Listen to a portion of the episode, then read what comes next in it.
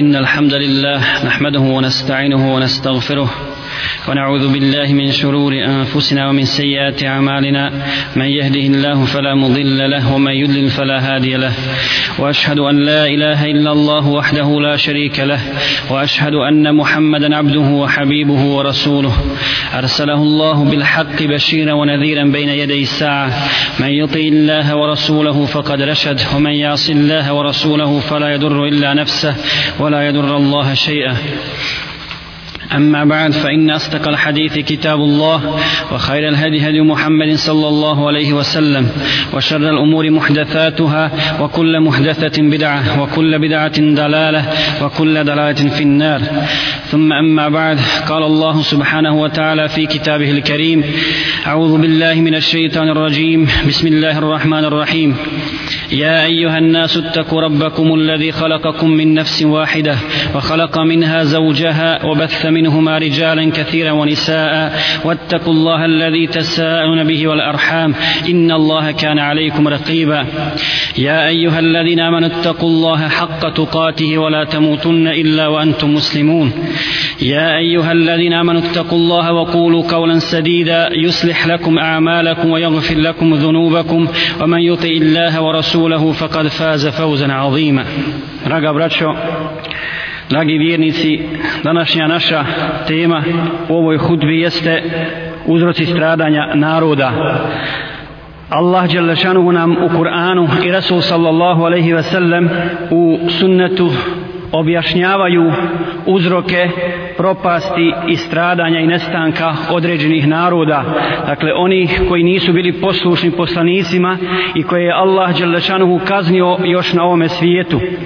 To zbog toga da bi Allah Đelešanuhu preko poslanika Muhammeda sallallahu alaihi ve sellem upozorio braćo ovaj ummet i podsjetio na ono što su proživjeli priješnji narodi kako njih ne bi zadesilo to isto i kako ne bi doživjeli kaznu na ovome svijetu i patnju na ahiretu i kako bi kročili ispravnom stazom i stazom koja vodi ka uspjehu i sreći na oba dva svijeta. Prije spominjanja uzroka propasti potrebno je spomenuti opšta pravila iz kojih se izvodi govor o ovoj temi, a to su prvo pravilo koje želimo spomenuti jeste zasnovano na Kur'anu. I Allah Đalešanuhu kaže inna Allahe la jadlimu nasa še'an walakinna nasa anfusahum jadlimun dakle prvo pravilo je da Allah nikome nasilje ne čini.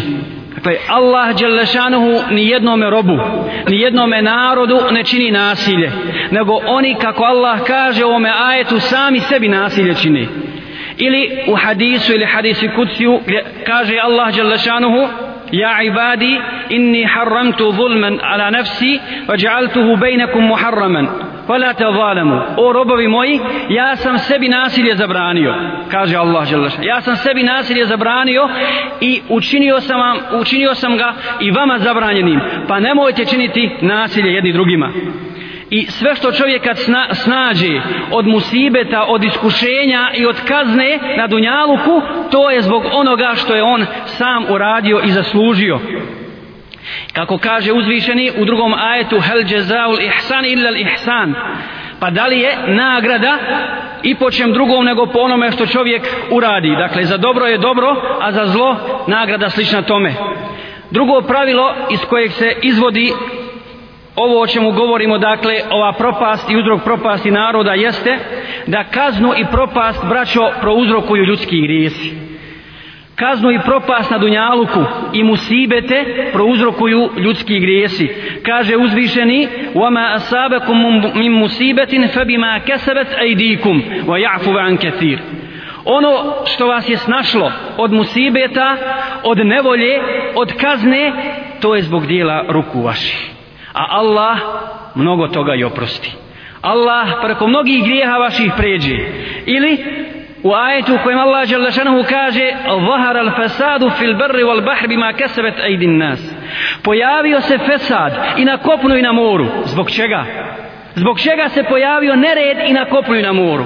Zbog onoga što ljudske ruke rade zbog onoga što ljudi rade i kazne koje Allah Đelešanuhu šalje na određeni narod ili na određene skupine mogu biti raznorazne mogu to biti zemljotresi mogu biti poplave i potopi mogu biti ratovi može biti glad može biti to da Allah Đelešanuhu pošalje nepravednog vladara zulumčara određenom narodu koji je to zaslužio jer mi često puta kad govorimo o zulumčarima kad govorimo o nepravednim vladarima samo na njih ciljamo i o njima govorimo Međutim, iz kuranskih ajeta i hadisa Rasula sallallahu alaihi sallam se razumije da Allah pošalje takve vladare ljudima koji ih zaslužuju. Ljudima koji zaslužuju takve vladare, ne zaslužuju bolje. Da zaslužuju bolje, Allah bi im poslao bolje. Dakle, to zavisi od ponašanja ljudi, a ne samo, nisu oni sami od sebe došli. Ti vladari, zulumčari, ako su takvi, ako su nepravedni, oni su iz tog naroda ponikli.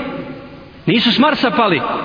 Kao što kaže Alija radijallahu ta'ala kad ga je upitao jedan Haridžija, provocirajući ga, rekao mu je, o Ali, ti si halifa sada, međutim ljudi su ti neposlušni, ljudi su ti nepokorni, Zbog čega to, a nisu bili takvi dok je bio Omer i Ebu Bek, nisu, nisu njima bili nepokorni. Pa Alija mu odgovara, kaže, znaš i zbog čega? Kaj ne znam, objasni mi. Kaj je zbog toga što je Ebu Bekr, što su Ebu Bekr i Omer bili halife meni i sličnima meni. Pa su im se zato pokoravali ti sljedbenici. A ja sam halifa tebi i onima koji su slični tebi. Dakle, zato je fesad i zato je nered na zemlji. A nekada to budu druge vrste kazne kao što je tvrdoća srca i, i udaljenost od upute i neprihvatanje upute posle bilo kakvih dokaza.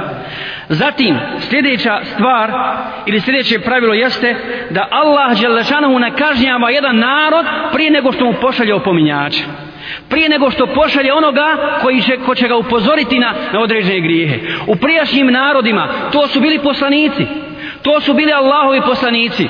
Pa Allah Đelešanu kaže Voma ahlekna min karijetin illa leha mundirun.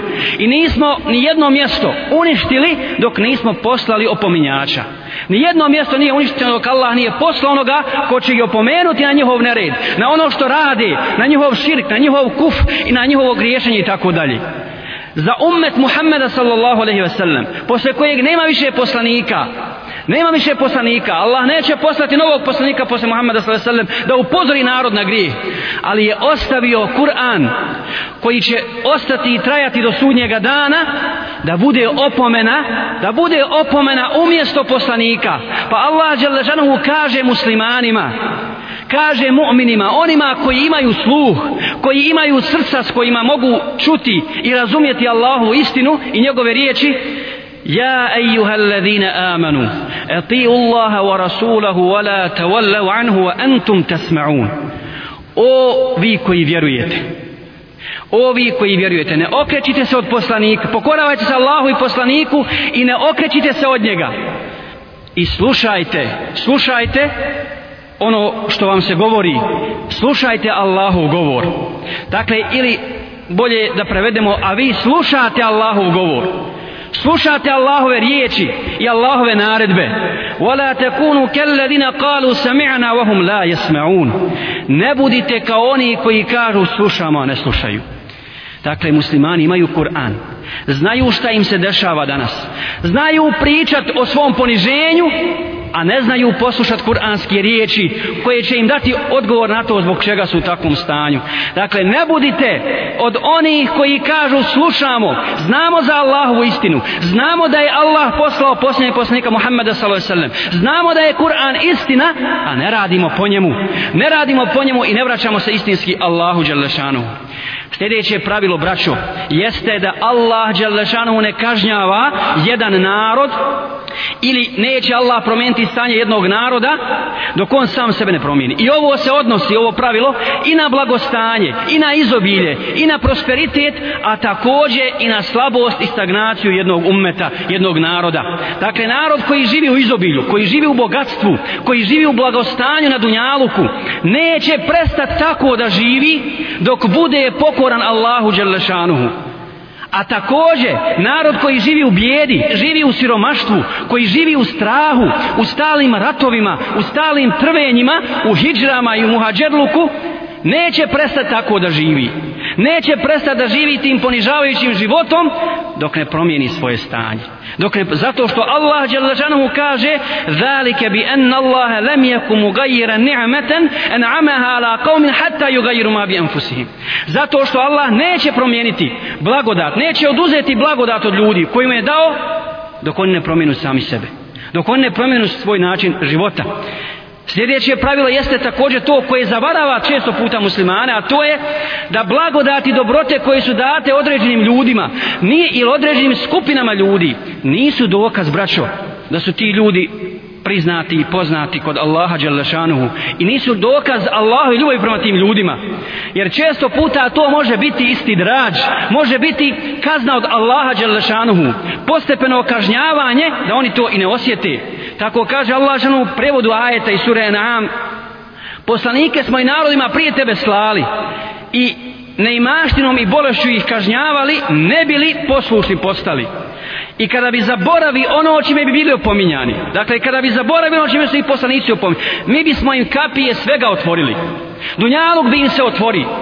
Svo bogatstvo koje su poželjeli imali su tako kada bi se obraduju onome u čemu uživaju mi bismo im poslali kaznu iznenada i odjednom bi svaku nadu izgubi to su dakle braćo pravila vezana za ovu temu a uzroci stradanja naroda na Dunjaluku su sljedeći. Prvi uzrok nakon širka i nakon kufra u Allaha Đalešanuhu jeste zulum jeste nepravda i nasilje i zulum je veliki grijeh i on je grijeh koji se ne oprašta samo taubom nego Allah neće oprostiti taj grijeh dok se ne vrate prava onima kojima su oduzeta Nije dovoljno dakle za zulum, samo tauba. Zato Resul sallallahu alaihi ve sellem upozorava Muaza. O Muaze, čuvaj se dove ima zluma. Čuvaj se dove onome kome je nasilje učinjeno. Jer između njegove dove, između njegovih riječi koje upućuje gospodaru svjetova i Allaha Đalešanohu nema prepreki. Stići ćete sigurno do vama zluma. Ako si mu nepravdu nanio, ako si ga zakinuo, ako si ga uvrijedio, ako si napao na njegovu čast, na njegov imetak, ne zaboravi mako da si, da će te stići njegova dova. I da ćeš biti zbog toga kažnjen. A mi smo, braćo, svjedoci da se danas zulum proširio i da se danas nepravda proširila na zemlji, a posebno i žalosno da se ta nepravda proširi među muslimanima. Među onima koji sebe nazivaju muslimanima, među muslimanskim državama, u politici, u trgovini, u ekonomiji i tako dalje u svim životnim poljima i sferama osjeća se ta nepravda i taj zulum i narod se žali na nepravdu i narod se žali na nepravdu a najviše je muslimanski narod braćo I žalosno je, žalosno je da je muslimani iz pojedinih i, ili iz većine muslimanskih država, da ne kažemo islamski, iz većine muslimanskih država bježi i traži sebi utočište gdje? Na zapadu. Odoše ljudi u Ameriku odoše ljudi u Australiju. Zašto? Zato što je tamo pravedniji sistem, pravedniji način života. Ne daju im u njihovim državama ništa. Ne daju u Turskoj ni hijjaba, ne daju u Tunisu ni klanjat. Pokušavaju to i ovdje kod nas. Pokušavaju to na svakom mjestu gdje žive muslimani i gdje su nekakvi po imenu muslimani na vlasti.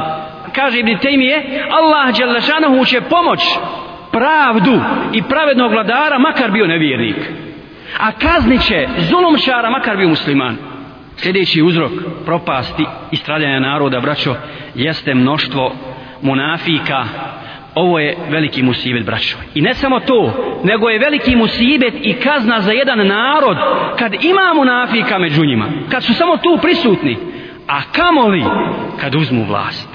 A kamoli kad dođu na čelo i oni drže uzde i oni vode narod.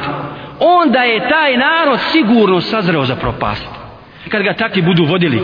Jer kaže Allah dželle za munafike ve iza qila lahum la tufsidu fil ardi qalu innama nahnu muslihun.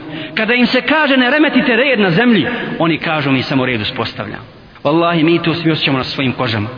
Oni će ti govoriti lijepe riječi govorit će ti lijepe riječi, dozvoljavat će ti haram pa će ga uokvirivati u, u lijepe oblande, a lahko je muslimanima ponuditi i zlo, i prljavštinu, i sav fesad, samo ga uokviri u kakav celofan fin, oni će ga prihvatiti. Ili kaže uzvišeni wa minan nasi man yu'jibuka qawluhu fil hayati dunya wa yashhadu Allah ala ma fi qalbi wa huwa raddul khisam. Ima ljudi čije te riječi zadivljuju na ovome svijetu kad ti govori političar, vođa, onaj koji se predstavlja nekakvim autoritetom i nameće se da bude autoritet i da bude vođa, kažu ljudi vidi kako je pametan, vidi kako je učen i zavede ljude s tim. I čak koji musliman poziva Allaha za svjedoka za ono što on govori. Međutim, on je otvoreni neprijatelj Islama, otvoreni neprijatelj muslimana i želi po svaku cijenu da to uguši. Zato kaže Resul sallallahu alaihi sallam, kada se bude pronevjeravao emanet, očekujte sudnji dan. Pa kažu, ja Rasulallah, šta to znači? Kako će se pronevjeravati emanet? Kada odgovorne stvari budete povjeravali onima koji nisu dostojni. Učenjaci su protumačili ovaj hadis na taj način da su rekli da se to odnosi na munafike. Da se to odnosi na ljude, licemjere, koji budu preuzeli stvar muslimana. Jer nisu dostojni te stvari. Nisu dostojni da vode muslimane, a oni se predstavljaju u njihovim predstavljama, a ne voli. Ne vole ni islam, ni muslimane. Nego su došli tu da ih ruše i da im zločine. Wallahi, braćo, evo jednog velikog dokaza iz naših stvarnosti. Neku večer sam gledao džeziru i ganulo me do suza. Dakle, obejanilo se ono, ona istina vezana za Alžir. Kad sam slušao oficira alžirske vojske koji je učestvovao u pokolju muslimana u Alžiru nije mogao više da izdrži jer Allah hoće da istina iziđe na vidjelo. Nije mogao da izdrži tu patnju tu tjeskobu u svojim prsima. Napisao je knjigu o kompletnom tom genocidu. Ko je stajao iza toga? Ko je to sve režirao? Ko je to sve pripremio? I kaže, spominje čak ovaj ga stiker pita da li je on lično učestvovao? Kaj jesam i svojom vlastitom rukom sam kao muslimane. Imali smo spiskove ljudi koji su god bili za šerijat, koji su glasali u selima i u gradovima, koji su glasali za islamsku partiju, odnosno za front islamskog spasa, koji je osvojio najviše glasova. Imali smo spiskove tih ljudi po imenu i prezimenu i samo smo njih ubijali. Dakle, to je dokaz šta znači kad munafici preuzmu i zbog čega kaže, zbog čega smo to radili, nama je objašnjeno da je borba za našu državu, za vatan, sveta stvar. I da je to iznad svega ostalo. I zato muslimani stradaju. I dakle, to su dvije stvari koje se ovdje mora, koje se ovdje mora spomenuti. Dva glavna uzroka stradanja muslimana. To je nova vjera među muslimanima, nacionalizam kao što je rekao ovaj oficir, sveta je stvar boriti se za alžirsku državu.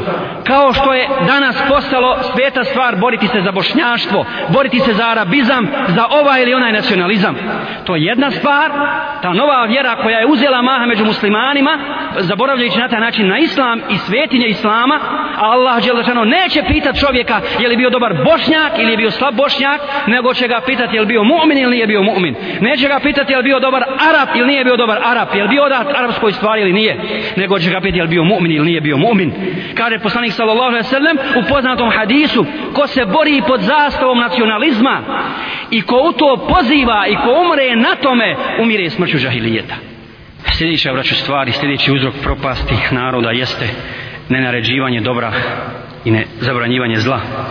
Kaže Allah dželle šanuhu u Kur'anu: "Wattaqu fitnatan la tusibanna la tusibanna alladhina zalamu minkum khassa." Bojte se fitne, bojte se fesada, bojte se nereda koji neće pogoditi samo one među vama koji su krivi koji neće pogoditi samo one koji su ga činili, koji postiču, koji postiču na taj fesad. Dakle, pogodit će i one koji ga ne budu sprečavali, koji ne budu stali pred njega hrabro, istinsko ima Allaha Đalešanuhu i koji ne budu pozivali na dobro, odraćali od zla. Da to kaže Resul sallallahu alaihi sallam u hadisu kojeg prenosi Ad ibn Amir, Allah neće kazniti općenito narod zbog određenih grijeha pojedinaca sve dotle dok ti pojedinci ili dok te skupine koje budu radile zlo a ovi ne upozoravali. Kad oni budu radili zlo a niko ih ne upozoravao onda će Allah Đelešanu kazniti i te koji rade zlo koji čine munker i one koji su s njima živjeli a nisu ih upozoravali. Ovaj hadis bilježi, bilježi Ahmed. Zašto braćo Allah Đelešanu naređuje ovaj fard i ovo je obaveza vađib svim muslimanima da naređuju dobro, a da zabranjuju zlo. Zato obraćao što se na taj način sprečava pojava grijeha, pojava nepravde, sprečavaju se zulumčari da dođu na vlast, sprečavaju se munafici da dođu na vlast, sprečavaju se zlikovci da uzmu stvar u svoje ruke i da onda napakoste muslimanima. Zato se mora povećati brojnih koji naređuju dobro, zabranjuju zlo. I žalosno je naše stanje. Muslimanima brzo dodije to. Brzo im dodije naređivati dobro, zabranjivati zlo. I onaj početni Hamas koji imaju, često puta nepravilno usmjeravaju, pa im dodije. Neće da uče islam, neće da se bore za, za istinu i pomire se sa stanjem u kome jesu. A pogledajte kako nevjernici se nikad ne mire sa stanjem. Nikad se ne, iako su gornji, iako dominiraju, ali stalno rade. Stalno rade i stalno se daje u kufr, u nevjerstvo i u zabludu povećavaju a stalno se daje i pozivači u dobro svakim danom smanjuju. Sljedeća stvar i sljedeći uzrok jeste, braćo, ostavljanje džihada. Pa ovo je objasnio najbolje Abu Ayyub al-Ansari radijallahu ta'ala anhu.